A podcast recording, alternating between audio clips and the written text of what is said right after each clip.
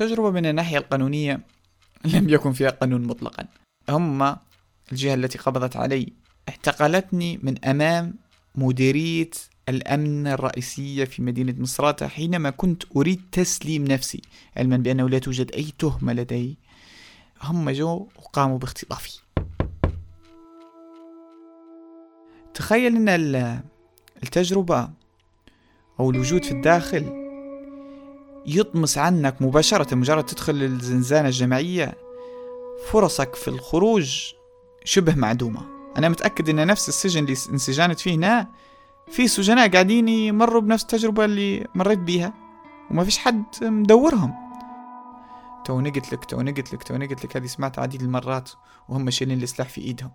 إلا أني لم أقاوم بالمرة يعني ما حاولتش استفزازهم بأي شكل من الأشكال لأن عارفهم يديروها. أثر عميق وما يزولش بسهولة.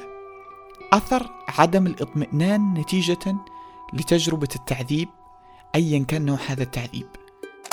أهلين أنا طارق الميري منتج بودكاست حقاني. زي ما سمعتوا الموسم الثاني تركيزها على التعذيب.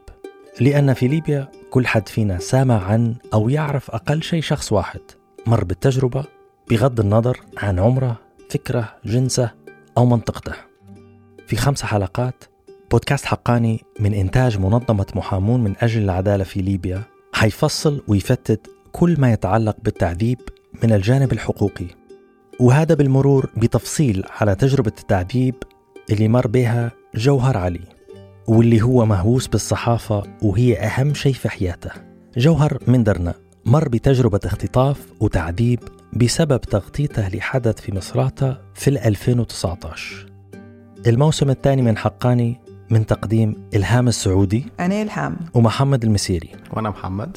ترقبوا حقاني على كل تطبيقات البودكاست في آخر شهر أغسطس. نبدو؟ نبدو. يلا.